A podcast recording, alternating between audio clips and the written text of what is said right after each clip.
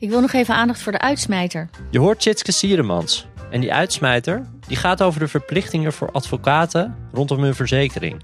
Hier komt ze nog eens. Luisteraars, eh, hebben jullie eh, op de een of andere manier op je website eh, kenbaar gemaakt dat je die beroepsaansprakelijkheidsverzekering hebt? En heb je dan ook de adresgegevens en de coördinaten van de dekking vermeld? Samen met mede-expert Robert Sanders deelt ze essentiële tips voor advocaten. Hier hoor je Robert. Nou, het Hof geeft ook, ook wel een, een algemene regel. En die zegt van nou, ja, binnen eh, de, zorgvuldigheid die van een advocaat in zo'n situatie mag verwachten. Als hij zich aan een zaak onttrekt, dan, dan geldt het uitgangspunt uh, dat je als advocaat met je cliënt bespreekt uh, hoe het verder moet of kan met het dossier. En dat je je cliënt bijvoorbeeld wijst op het verstrijken van termijnen om rechten veilig te stellen. Hoe je die vraagstuk op de juiste manier aanpakt? Je hoort het in aflevering 6 van de Tugkast Passend en Geboden waarin tuchtrechtexperts Tjitske Sieremans en Robert Sanders de actuele tugzaken tegen advocaten bespreken. Dit is een podcast van het Advocatenblad en wij maken deze in samenwerking met onze partner PO Online. Zoals je ondertussen wel hebt gehoord, ben ik niet Erik Jan Bolsius, maar Hidde Bruinsma, podcastmaker voor juristen. En de komende maanden zal ik Erik Jan vervangen als host van de Tuchtkast. Tjitske, Robert, welkom. Dank je, heren. Vrijdag de 13e vandaag, nieuwe host. Wat voor aflevering gaat dit worden? Ik hoop dat het weer een interessante aflevering gaat worden. Met heel veel interessante, uh, ja, toch ook wel boeiende uitspraken. Het wordt een hele gelukkige afdeling. Een hele gelukkige aflevering? ja. ja. Mooi.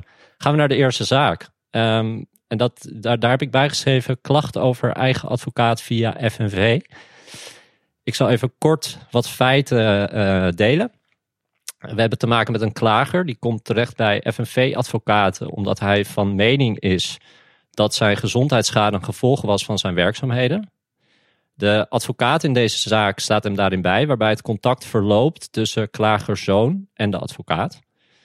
En de advocaat geeft eigenlijk vanaf het begin aan geen meerwaarde te zien in het opstarten van een bodemprocedure bij de kantonrechter, terwijl klagerzoon daar vanaf het begin zijn kanttekeningen bij plaatst. En dit gaat een paar maanden zo heen en weer, waarbij klagerzoon steeds nadrukkelijker aangeeft over te willen gaan tot procederen. Terwijl de advocaat duidelijk blijft aangeven dat het gewenste doel voor de klager nog steeds kan worden bereikt in deze procedure zonder dat er hoeft te worden geprocedeerd. En dat de oplossing eigenlijk ook steeds dichterbij komt. Um, uiteindelijk ontstaat er zo'n duidelijk verschil van inzicht tussen de advocaat en de klager dat verweerster zich als advocaat terugtrekt en het dossier bij haar leidinggevende neerlegt voor verdere vervolgstappen. Tjitske, hoe gaat dit dan verder? Deze zaak kon twee kanten op. Uh, deze klager had uh, medische klachten en die konden het gevolg zijn van zijn werk. En die konden het gevolg zijn van een auto-immuunziekte. En wat die FNV-advocaat heeft gezegd is: zullen we daar medisch onderzoek naar laten doen? Want op het moment dat blijkt dat dat het gevolg is van jouw auto-immuunziekte, heb je gewoon geen vordering tegen je werkgever. En dat was het onderzoek wat ze had voorgesteld en wat de zoon van de klager uit de weg wilde gaan. Die zei: Ik wil gewoon meteen een procedure.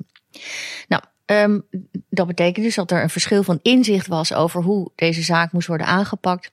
En toen deze advocaat eenmaal had gezegd: Ja, u heeft volgens mij geen vertrouwen meer in mijn aanpak. Ik ga mijn leidinggevende erbij halen. Heeft de leidinggevende gezegd: We gaan het nog aan iemand anders binnen onze organisatie voorleggen. Een andere advocaat. Die heeft een second opinion gegeven en die heeft gezegd: Mijn collega had gelijk. Een, een buitengerechtelijke expertise, zoals dat heet, een buitengerechtelijk onderzoek naar de medische klachten, is de beste weg om dit aan te pakken. Dat was een andere advocaat binnen FNV. Ja, was een andere advocaat binnen FNV. En um, nou, toen is, uh, de, is uh, de eerste advocaat heeft toen tegen de klager gezegd: ja, ik denk dus nog steeds dat er een sprake is van een, van een gebrek aan vertrouwen vanuit uw kant. op de manier waarop ik denk dat ik deze zaak moet behandelen. dus ik, geef, ik, ik, ik, geef de zaak terug. Ik doe hem niet meer. Doe die zaak niet meer. En uh, toen heeft het FNV gezegd: Nou, um, hem, deze advocaat uh, gaat de zaak niet meer doen, maar we gaan u, u zou nog wel gebruik kunnen maken van een, een letselschade-expert binnen onze organisatie die u dan verder wil helpen. En, en Robert, is dat vreemd dat de zaak dan wordt doorverwezen naar een letselschadeadvocaat? Of was dat logisch in dit geval? Nou ja, eigenlijk gaat deze hele zaak om, om de vraag: wat, wat moet je dan doen? Hè? Wat is zorgvuldig als je je onttrekt en uh, welke, welke eisen zou je moeten mogen stellen aan de zorgvuldigheid die, die je als advocaat in, in acht moet nemen. Want dat moet je natuurlijk heel zorgvuldig doen als advocaat. Uiteraard. Je kunt je cliënt niet, niet zomaar uh, laten bungelen. Nee. Dus dat, dat, er moet wat gebeuren. Tegelijkertijd is het natuurlijk ook zo dat als er geen vertrouwensbasis meer is, dan heeft het natuurlijk ook niet zo heel veel zin dat je als advocaat met je cliënt doorgaat. Maar daar hebben we een hele mooie gedragsregel voor, gedragsregel 14. En die geeft eigenlijk aan wat je in zo'n geval zou moeten doen. En de raad die de zaak uh, in eerste instantie op basis van de klacht moest beoordelen, die zei ook ja, als advocaat moet je de cliënt wijzen op de gevolgen van die beëindiging. En waar zat die onzorgvuldigheid nou in? Nou, het dossier is na de onttrekking via de leidinggevende van, van de advocaat bij een jurist terechtgekomen. En uh, ja, de advocaat heeft ook verder geen bemoeienis meer gehad met dat dossier. En ze heeft klaar ook niet geïnformeerd over de mogelijkheid van gefinancierde rechtsbijstand, zei de raad.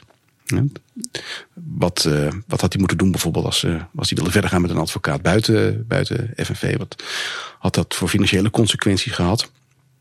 En uh, had bijvoorbeeld een secretopie kunnen vragen door een ander advocatenkantoor.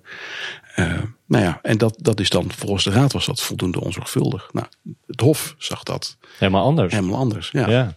Ja. Tjitske, het Hof. Uh... Ja, het Hof, heeft, het Hof heeft gezegd: ja, u heeft zich ontrokken. Dat is op zichzelf netjes gegaan. Dat had u mogen doen in die omstandigheden. En wij zien daar verder geen uh, verwijt in. En um, ja, u bent niet verantwoordelijk voor datgene wat uh, de klager na u gaat doen. U had niet, er is niet geklaagd overigens over de vraag of deze FNV-advocaat had moeten zeggen: beste klager, u had ook buiten de deur van het FNV kunnen gaan kijken naar een advocaat. Er is wel geklaagd over het feit dat deze FNV-advocaat niet had gezegd dat deze klager buiten het FNV mogelijk voor gefinancierde rechtshulp in aanmerking was gekomen. En daarvan zegt het, het Hof: nee, die verplichting heb je niet als eerste advocaat. Als jij je onttrekt, hoef je er niet op te wijzen dat je buiten je kantoor mogelijk een advocaat kan vinden die gefinancierde rechtshulp biedt, moet bieden. Waar denk ik op, zo'n manier de grens is getrokken dat het, het, het, wijzen op de, het wijzen op de mogelijkheid van gefinancierde rechtshulp. Uh, die verplichting zit bij de advocaat die de zaak behandelt niet bij de advocaat die zich onttrekt aan een zaak. Of bij de advocaat die uh, doorverwijst. Ja, dus in dit geval had je misschien hm. kunnen zeggen, die, die verantwoordelijkheid lag bij de volgende advocaat die FNV had toegewezen. Ja. En, en wat, voor, want wat voor les kunnen we hier nou uittrekken voor, voor de luisteraar? Want het verschil tussen de mening of, of het oordeel van, van de raad en het, het oordeel van het hof is best wel verschillend. Ja, maar uiteindelijk heeft het Hof natuurlijk het laatste woord. Hè? Ja, zo werkt de hoogste het, zo werkt het eenmaal. Ja, ja. zijn de baas. Ja. En uh, nou, het Hof geeft ook, ook wel een, een, een algemene regel. Hè? Die zegt van nou ja, binnen uh, de, de zorgvuldigheid die je van een advocaat in zo'n situatie mag verwachten. Als hij zich aan de zaak onttrekt, dan, dan geldt het uitgangspunt uh, dat je als advocaat met je cliënt bespreekt hoe het verder moet of kan met het dossier. En dat je je cliënt bijvoorbeeld wijst op het uh, verstrijken van termijnen om rechten veilig te stellen. Maar zegt het Hof, het voert in zijn algemeenheid te ver om dan vervolgens aan te nemen dat een advocaat dan ook moet wijzen op alternatieven uh, voor verdere rechtsbijstand en de financiering daarvan. Dus dat is eigenlijk de algemene les die je uit de overwegingen van het Hof zou kunnen, kunnen halen. Ja. Laten we doorgaan naar de volgende zaak. Daar heb ik bijgeschreven te vergeefs maatregel appel. Um, het, zijn, het, zijn, het zijn best wat feiten. Uh, de, de verweerder heeft klager vanaf het najaar van 2017 als opvolgend advocaat bijgestaan in een geschil met klagers werkgever, op wie klager een loonvordering stelde te hebben. Um, even voor mij, wat houdt de term opvolgend advocaat in? Nieuwe advocaat. Ja, nieuwe advocaat die de zaak overneemt. Ja, ja precies. Okay. Heel simpel. Um, en vervolgens hebben partijen een paar jaar lang contact. En dat zag ik een jaar of vijf, waarbij de advocaat constant het gevoel wekt bij de klager dat er een procedure aanhangig was, terwijl dat niet zo is. Um, en op een bepaald moment gaat de deken zich er ook mee bemoeien.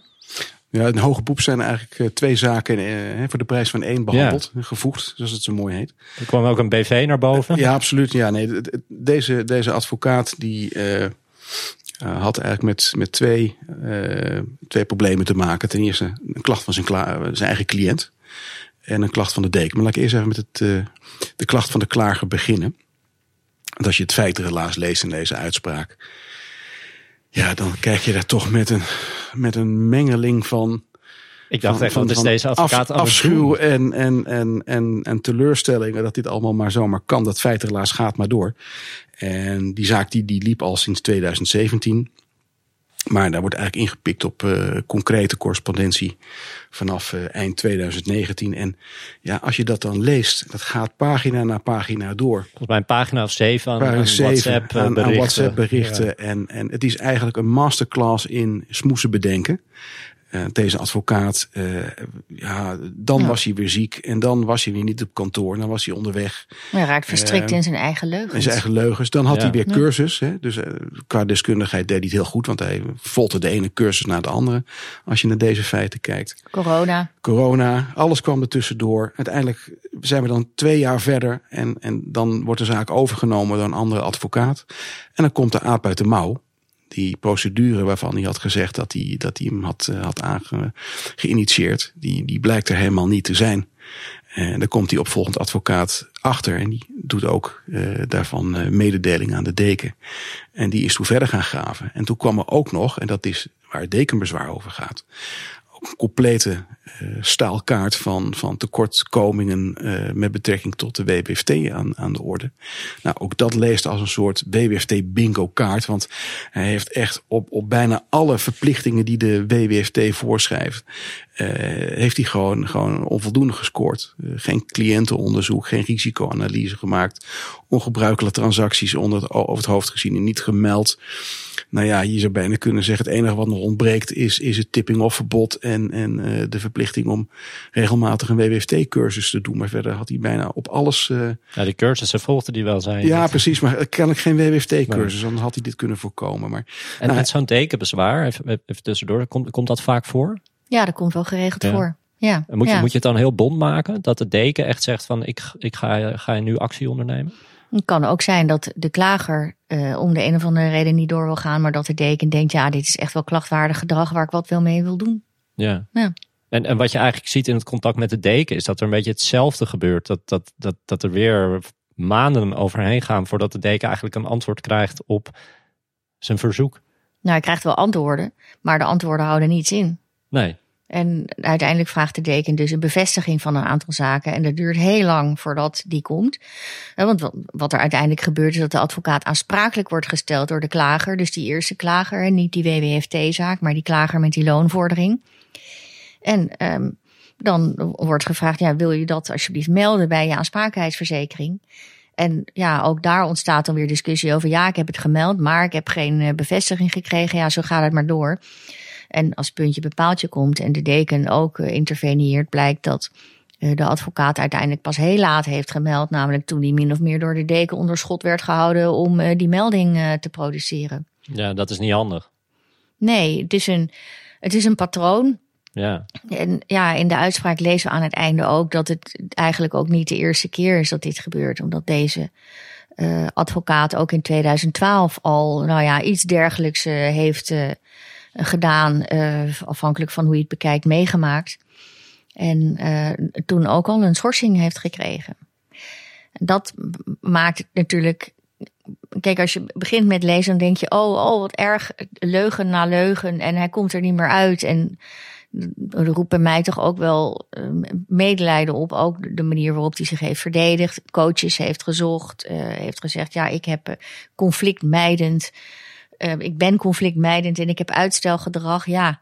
Ja, maar, ja, als je, als je dat dan, ja, als je dat ziet, dat hij dat, dat dat gewoon jaren eerder al een keer is gebeurd en tot een serieuze schorsing heeft geleid, dan denk je op een gegeven moment ook, ja, wat moeten we hier nog aan? Had je niet wat anders kunnen gaan nou, doen? Ja, ik, ik kan er toch ook iets, iets oh. nou, toch minder begrip voor opbrengen. Ja, ik weet het. voor, ja. voor zover dat, uh, nou, nou, voor zover dat ook de, in, de, ja, de, de Voor de cliënt is het natuurlijk vreselijk. Voor de cliënt, ja. is het natuurlijk niet, niet te verdedigen. Het is onvoorstelbaar als je het leest, pagina na pagina. En, uh, Uiteindelijk uh, wordt hij geschrapt. Ja, klopt. Nou ja, De, de raad schrapt hem al in eerste aanleg. En, en dan lezen we ook dat, dan gaat hij wel een hoog beroep. Maar uiteindelijk heeft hij toch zowel het verwijt van de klager als van de deken ja, dat, dat heeft hij erkend. Dus hij maakt eigenlijk geen discussie meer van uh, uh, de feitelijke achtergrond van deze zaak. En er rest hem eigenlijk nog maar één ding. En dat is een maatregel appel. En dus hij gaat eigenlijk alleen in hoog beroep tegen de opgelegde maatregel van schrapping. Ja.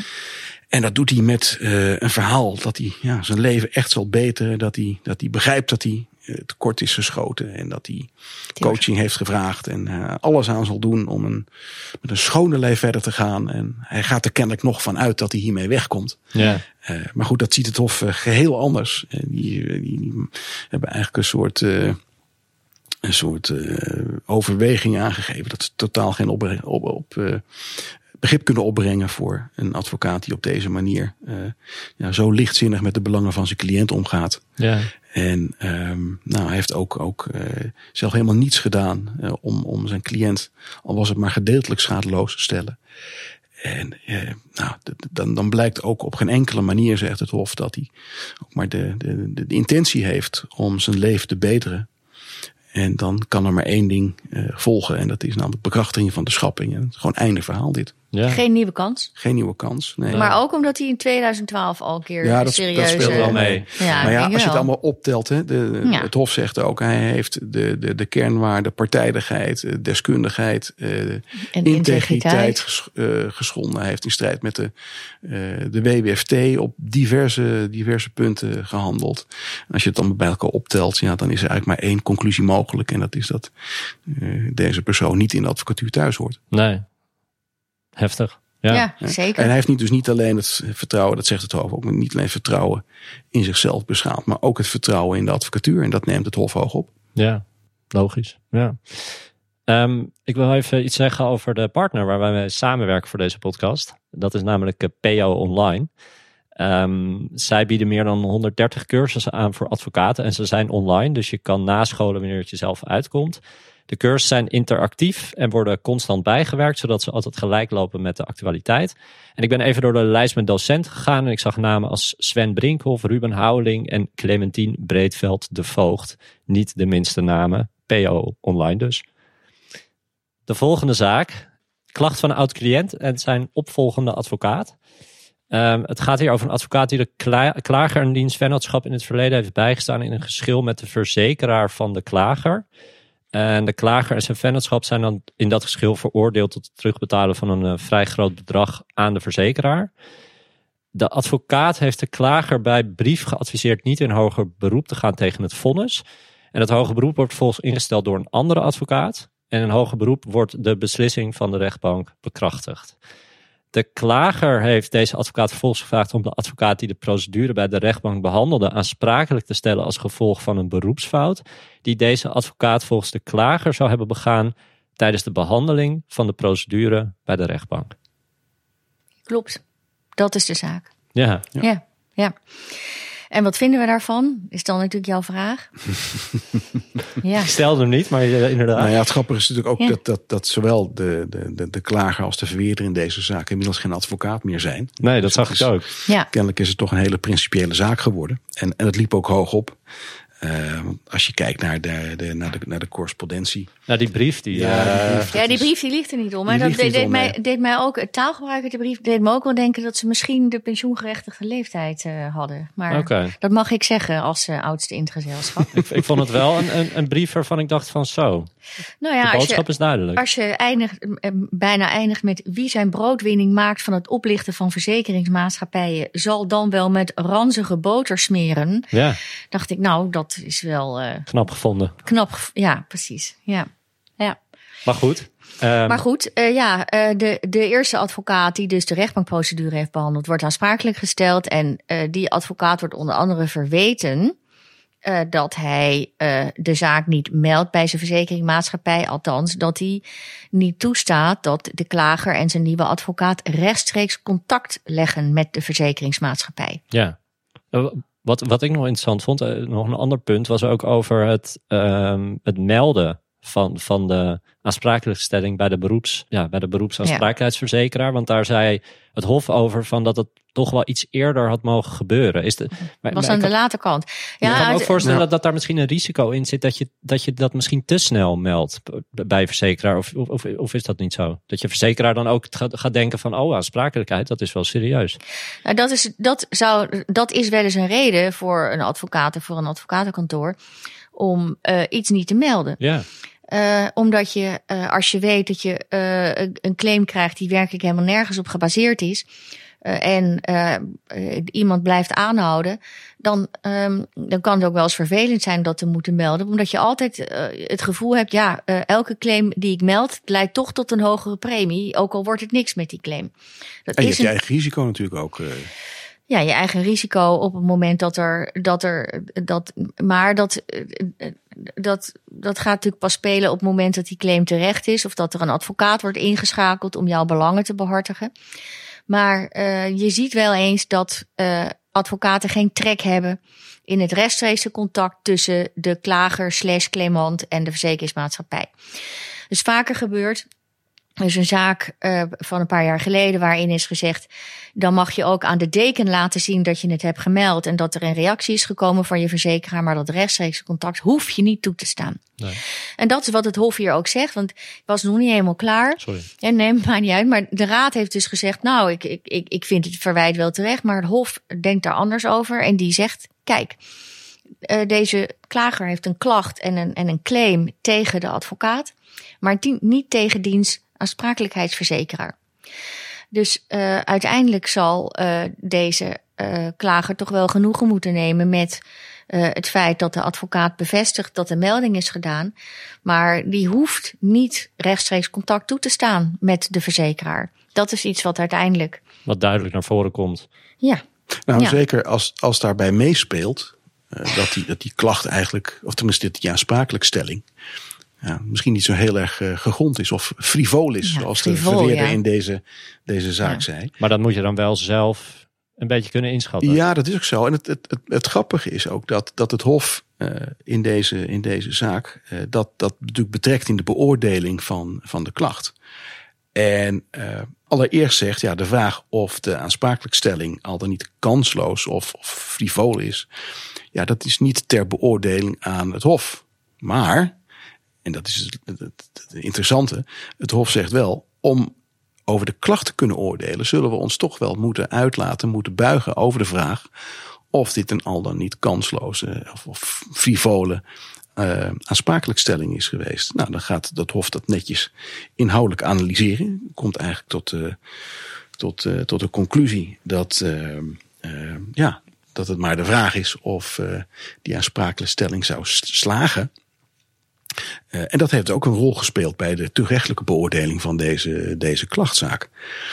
En uh, tegen, tegen die achtergrond zegt het, zegt het, uh, zegt het Hof dan ja, dan, dan is het ook niet zo verwonderlijk dat je als verwerende partij, als aangesproken advocaat zegt, nou, ik zie helemaal geen reden om u in contact te brengen met mijn, met mijn verzekeraar, zodat u vervolgens dan rechtstreeks contacten mee kunt hebben. Nee, logisch. ja. ja. En, en de brief die mocht wel. De, de, de grenzen werden een beetje opgezocht. Ja, maar...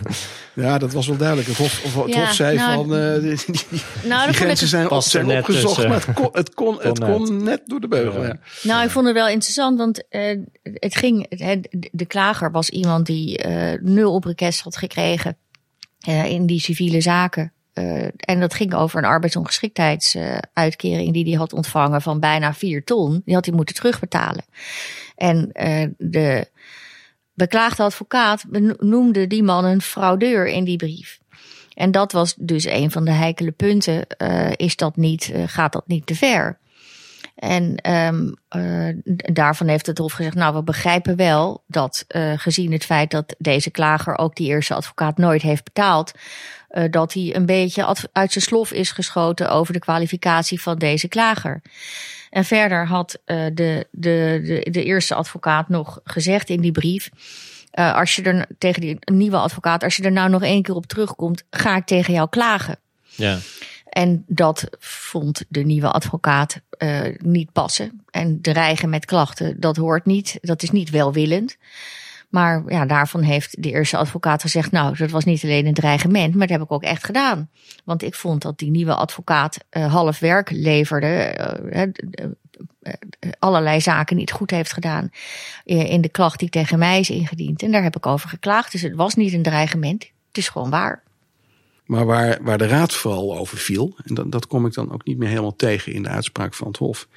Um, in die brief had uh, de advocaat een uitgebreide beschrijving gegeven van, van zijn cliënt, hè, die als een, als een halve invalide bij zijn kantoor bezoek was gekomen. En met moeite de, trap van naar het kantoor kon bestijgen. En op krukken zwalpend over de gracht weer wegliep. En heel toevallig moesten ze ook in die, in die buurt zijn voor een boodschap.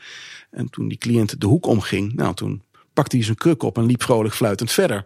Vandaar de term fraudeur. Ja, eh. precies. En um, uh, dat, dat komt eigenlijk in de uitspraak van, tenminste de beoordeling van het Hof, niet meer, niet meer terug. Daar ging het vooral over de context en, en de, de achtergrond. En uh, waarom je weg zou kunnen komen met uh, zo'n ja, uh, inhoud, maar ook de toon die je kiest in de brief. Ik wil nog even aandacht voor de uitsmijter. Doe dat. Um, ik, die viel mij wel op uh, over de dienstenrichtlijn. Die advocaten verplicht om um, uh, aan te geven aan hun uh, afnemers, want zo heten uh, de cliënten in de dienstenrichtlijn, aan te geven wat de adresgegevens zijn van hun verzekeraar en de geografische dekking van de polis. Dat zag ik ook, ja. Ja, dat viel me. Dat, en ja, die, die regel die is er. Hè, dit staat in het BW op grond van de dienstenrichtlijn. It's the law. It's the law. It's the law. Maar vervolgens is de vraag: doen we dat ook? Want um, de VODA verplicht ook om uh, uh, kenbaar te maken op een publieke wijze uh, dat je een beroepsaansprakelijkheidsverzekering hebt. En we hebben wel eens vaker stilgestaan bij de vraag: wat is nou die publieke wijze? Want we kunnen ons daar eigenlijk vooral de website bij voorstellen. Maar je zou natuurlijk ook een postertje op je, op je voordeur kunnen hangen. Is dat dan voldoende? Dat is ook, Zo van, hier zijn wij is ook publiek. Ja. ja, is ook publiek. Maar goed, de, de vraag is natuurlijk, gebeurt dit ook? Ik heb even een beetje gegoogeld. Wie doen dit? Uh, ik zal geen namen noemen, maar uh, toevallig, natuurlijk niet toevallig, uh, een van de advocaten die hier in het hof zat, heb ik gekeken. En daar staat het inderdaad keurig op de website. Maar ik heb het verder niet of nauwelijks kunnen vinden, eerlijk dus, dus gezegd. alle luisteraars even checken of je dit wel doet. Ja, ja, luisteraars, uh, hebben jullie op de een of andere manier op je website kenbaar gemaakt dat je die beroepsaansprakelijkheidsverzekering hebt? En heb je dan ook de adresgegevens en de coördinaten van de dekking vermeld? Nou ja, en buiten het feit dat iedereen natuurlijk wordt geacht de wet te kennen, verwijst de VODA aanvullend naar deze, deze bepalingen. Als het gaat om wat je als advocaat kenbaar moet maken. Dus ehm, ook voor advocaten zou dit ja, bekende, bekende verplichting moeten zijn. Ja. Maar ik heb, ik heb, laat ik zo zeggen, ik heb ook nog een paar andere advocaten gegoogeld. waarvan wij weten dat die uh, zitting hebben in het Hof. En het zal misschien aan mijn vaardigheden liggen, maar ik kon het niet meteen ontdekken. Interessant. Ja, maar als je niet kunt ontdekken, dan kun je ook Denk moeilijk volhouden dat het publiekelijk bekend is Ja. Misschien toch die poster op de deur dus. Ja, ja dat zou kunnen. Ja. Laten we naar de laatste zaak gaan. Dat is uh, klacht tegen advocaat wederpartij. Um, en dat is een uh, familierecht kwestie. Waarbij het gaat over het vermogen van uh, de vader van klager. Dus de klager is de zoon van deze vader. Um, dat vermogen of de vader is onder bewind gesteld. En de toenmalige bewindvoerder van de vader is namens vader een civielrechtelijke procedure gestart tegen de klager in deze tuchtzaak. Aanzien vermoeden ging dat deze geld had onttrokken aan het vermogen van zijn vader. En uiteindelijk is er bij de zaak bij de rechtbank Den Haag is er een overeenstemming bereikt over bepaalde afspraken. En korte tijd later is vader overleden en in zijn testament is opgenomen dat klager en zijn broer tot erfgenamen zijn benoemd en ieder voor een gelijk deel. En um, nou, dan wordt er notaris, uh, mevrouw W., die wordt benoemd als executeur afwikkelingsbewindvoerder van de erfenis. En dan begint uh, de juridische strijd, uh, Tjitske. Ja, ja. Uh, de juridische begint omdat um, die notaris, die dus executeur is van de nalatenschap, uh, zegt: uh, ja, er is wel geprocedeerd en er hing wel een schikking in de lucht, maar die was nog niet goedgekeurd door de kantonrechter. En de notaris mag dan vervolgens als executeur van de nalatenschap aangeven dat zij het niet eens is met, met die regeling die is voorgesteld. En uh, aangezien die nog niet is goedgekeurd door de kantonrechter, is die schikking nog niet tot stand gekomen en mag zij vragen om de procedure voor te zetten. Dat is ook gebeurd. En uh, uiteindelijk is uh, dus een van die twee broers, die ervan werd beschuldigd dat hij heel veel aan de nalatenschap had onttrokken, althans destijds aan de boedel van de vader die nog leefde toen, had onttrokken, heeft ook een aanzienlijk groter bedrag moeten terugbetalen aan de boedel dan uh, op grond van die schikking had moeten gebeuren. Dus in die zin zou je kunnen zeggen dat die notaris-executeur wel een reden had om door te gaan. Ja, maar de, de, klacht komt tegen de advocaat van de executeur. Ja, ja. En dat is ook een, een beetje een technisch dingetje eigenlijk. Uh, bijna, zeg maar, eh, juridisch technisch. Want um, de klacht komt van de broer die dus geld had onttrokken uit uh, de boedel. En die zegt, uh, ja, die, die executeur die had er ook voor mij moeten zijn. Want die, ga, die is er voor de erven. Ja. Uh, en, uh, en dus mag de advocaat die voor de executeur optreedt niet tegen mij optreden. Want uh, die treedt in feite op voor degene die ook de belangen van de erven moet behartigen. Maar die vlieger gaat niet op. Hè. de, de executeur heeft de nalatenschap, maar treedt niet op voor de erven. Die treedt op voor de nalatenschap en moet ervoor zorgen dat die zo goed mogelijk wordt verdeeld over de erven. En als je dus advocaat bent van de executeur, dan dan mag je dus optreden tegen de erven. Op mij kwamen de klachten een beetje vergezocht over. Wel, ja, uh, dus uh, je kan weinig uh, moeilijkers verzinnen dan een erfkwestie. Ja. Ja, dat is, dat, dat is misschien nog wel moeilijker vaak dan echtscheidingen en al dan niet met kinderen. Maar goed, wat betreft de positie van de advocaat, want het blijft natuurlijk uiteindelijk een, een, een, een tuchtzaak. En ik kan me ook voorstellen dat de klager ook wel een beetje voor ogen had om zijn pijlen te richten op de executeur. Maar daar ging het in dit geval natuurlijk niet om. Ja, daar kon hij geen tuchtzaak tegen. Nee, precies. De raad gaat natuurlijk gewoon kijken naar, uh, naar wat, doet, uh, wat doet deze advocaat. En dan zie je ook weer dat leerstuk van de grote mate van vrijheid die de advocaat dan heeft. En nou, dat betekent dus ook dat de advocaat van de wederpartij in dit geval, ja, dat die stellingen mag betrekken die klager misschien wel onwelgevallig zijn. Um, ja, uh, zegt de raad, we komen wel tot de conclusie dat zowel de rechtbank als het gerechtshof uh, de advocaat uh, hebben gevolgd in, in haar, haar stelling. dat, dat geen schikking is bereikt, want daar ging het in deze kwestie dus om. Maar ehm, ja, dat betekent dus ook dat daarmee de grenzen van die vrijheid niet zijn overschreden. Dus ook als het gaat om ja, zaken als misschien uh, onjuiste stellingen die worden gepercipieerd door de, door de klager of uh, onnodig gievende uitlatingen. Nou, daarvan zegt de raad, de advocaat is in dit geval netjes binnen die grenzen gebleven. Dus ze was niet alleen bevoegd, maar ze heeft ook niet de grenzen van haar beroepsuitoefening overschreden. En het was misschien nadelig voor de klager wat er was gebeurd, maar het was niet zonder redelijk doel. Is heel vaak natuurlijk een grond voor een klacht. Het, hè? Ja, het doel van de nalatenschap is gediend geweest met uh, deze uh, met deze belangenbehartiging door de advocaat. Ja. En uh, dat is terecht geweest. Ja. En het aardige is ook, ze zijn natuurlijk in hoger beroep gegaan. Maar deze, deze uitspraak van het Hof moet je vooral lezen tegen de achtergrond van, van wat de Raad heeft beoordeeld. Omdat het Hof daar inhoudelijk niet zo heel, heel diep op ingaat. Want wat zegt het Hof? Uh, nou, uh, op basis van, van het hoge beroep en het onderzoek daarbij uh, heeft het Hof geen aanleiding om tot een andere beoordeling te komen dan die van de Raad. En dat zegt erbij, nu partijen hun standpunt in hoger beroep slechts hebben herhaald en er geen nieuwe argumenten zijn aangedragen die hiertoe zouden nopen dan wel bij het Hof nieuwe inzichten, tot nieuwe inzichten hebben geleid. Uh, met andere woorden, ja, als je alleen in hoog beroep gaat en het komt tot een herhaling van zetten, verwacht dan niet dat het Hof tot een wezenlijk ander uitgangspunt of een ander, ander oordeel gaat komen. Mooi einde van deze zaak. We hebben geen column deze keer. Nee. Nee. Maar, dat... maar wel een nieuwe presentator. Maar wel een nieuwe presentator, dus dat is al genoeg, uh, genoeg voor deze keer. En dan zijn we aan het einde gekomen van deze aflevering. Uh, u luisterde naar de zesde aflevering van de Tuchtkast Passend en Geboden. Alle tuchtzaken die we in deze aflevering behandeld hebben... zijn met een linkje naar de uitspraak terug te vinden in de show notes. Mocht je nou een vraag of opmerking voor ons hebben... stuur dan even een mailtje naar redactie.advocatenblad.nl Veel dank ook aan onze partner PO Online, Tjitske, Robert... Dank voor jullie aanwezigheid, scherpe analyse van de zaken. Mijn naam is Hidde Bruidsma. Dank voor het luisteren en graag tot de volgende keer.